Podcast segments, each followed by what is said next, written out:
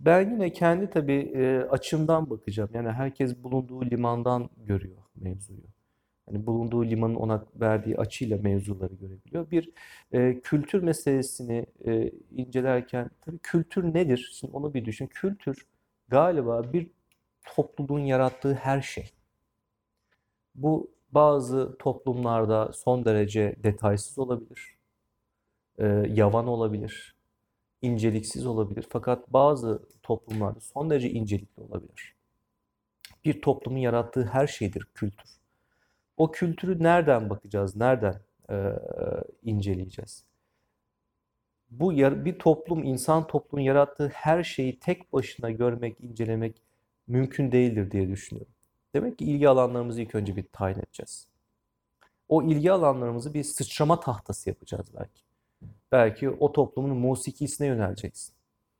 O toplumun belki edebiyatına yöneleceksin. Eğer gücün yetiyorsa edebiyatına, sinemasına, müziğine yöneleceksin. Eğer ilginiz, ilginizin çapı e, ve kabiliyetleriniz yeterliyse mimariyi de katacaksın içine belki. O mimari üzerinden, o resim işte veya diğer bütün o kültür, sanat faaliyet ürünleri e, üzerinden e, o toplumu e, o toplumu anlamaya çalışacaksınız. Onları bir sıçrama tahtası haline e, getireceksiniz. Ya da daha farklı bir zihinsel işleyiş süreciniz vardır. Toplumun iktisadına gideceksiniz. İktisadını anlamaya çalışacaksınız. Ya da o toplumların şekillendiği coğrafyayı anlamaya çalışacaksınız. Onu görmeye ve oradan bir anlam katmaya çalışacaksınız. Diyeceksiniz ki bu coğrafyada kültür oluşuyor. Bir şekilde her yerde kültür oluşuyor. Hatta belki çok emin değilim. Bilgimi tekrar şey yapmam lazım, bakmam lazım. Neandertallerde bile bir kültür oluşuyor. Yani o sadece insana has bir maymunlarda bile bir kültür oluşuyor. Daha farklı olarak. Sadece insana has bir şey değil o. Fakat ne düzeyde oluşuyor? İnsanın da değişik düzeylerde oluşmasının sebepleri ne? Niye Sahra çölünde kültür oluşuyor da medeniyet tam oluşmuyor? Niye kutuplarda bir kültür var da bir medeniyetin oluşması söz konusu olmuyor? Çünkü iklim şartlarına varıyorsun. Ee, sebeplerden birisi de o diyorsun. İklim şartları buna müsait değil diyorsun. Toprak bereketli değil diyorsun. Karın aç. Karnı aç olan insan uygarlık inşa edemez. İlk başta o biyolojik eksikliği gidermek zorunda. O sıkıntıları halletmek zorunda. Karnı aç olan insan düşünmeye hali olmaz, zamanı olmaz. Mücadele etmek zorundadır. Karın, karnımızın açlığı da çok büyük oranda yaşadığımız bölgenin bize verdikleriyle, gerek hayvanlarıyla, gerek toprağıyla, gerek iklimiyle, bize verdikleriyle alakalı bir şeydir. Ee, demek ki toplum çok yüzlü bir insan.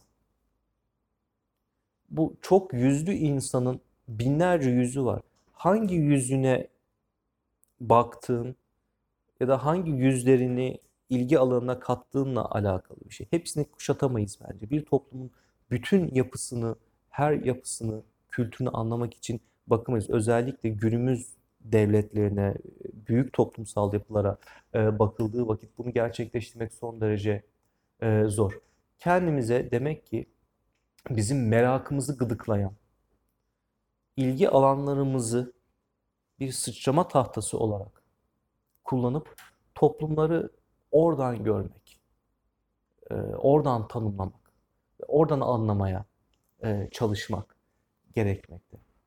Benim açımdan mimari, edebiyat e, ve özellikle edebiyat ve özellikle mimari ve diğer kültür ürünleri, resim, sinema, olabildiğince müzik.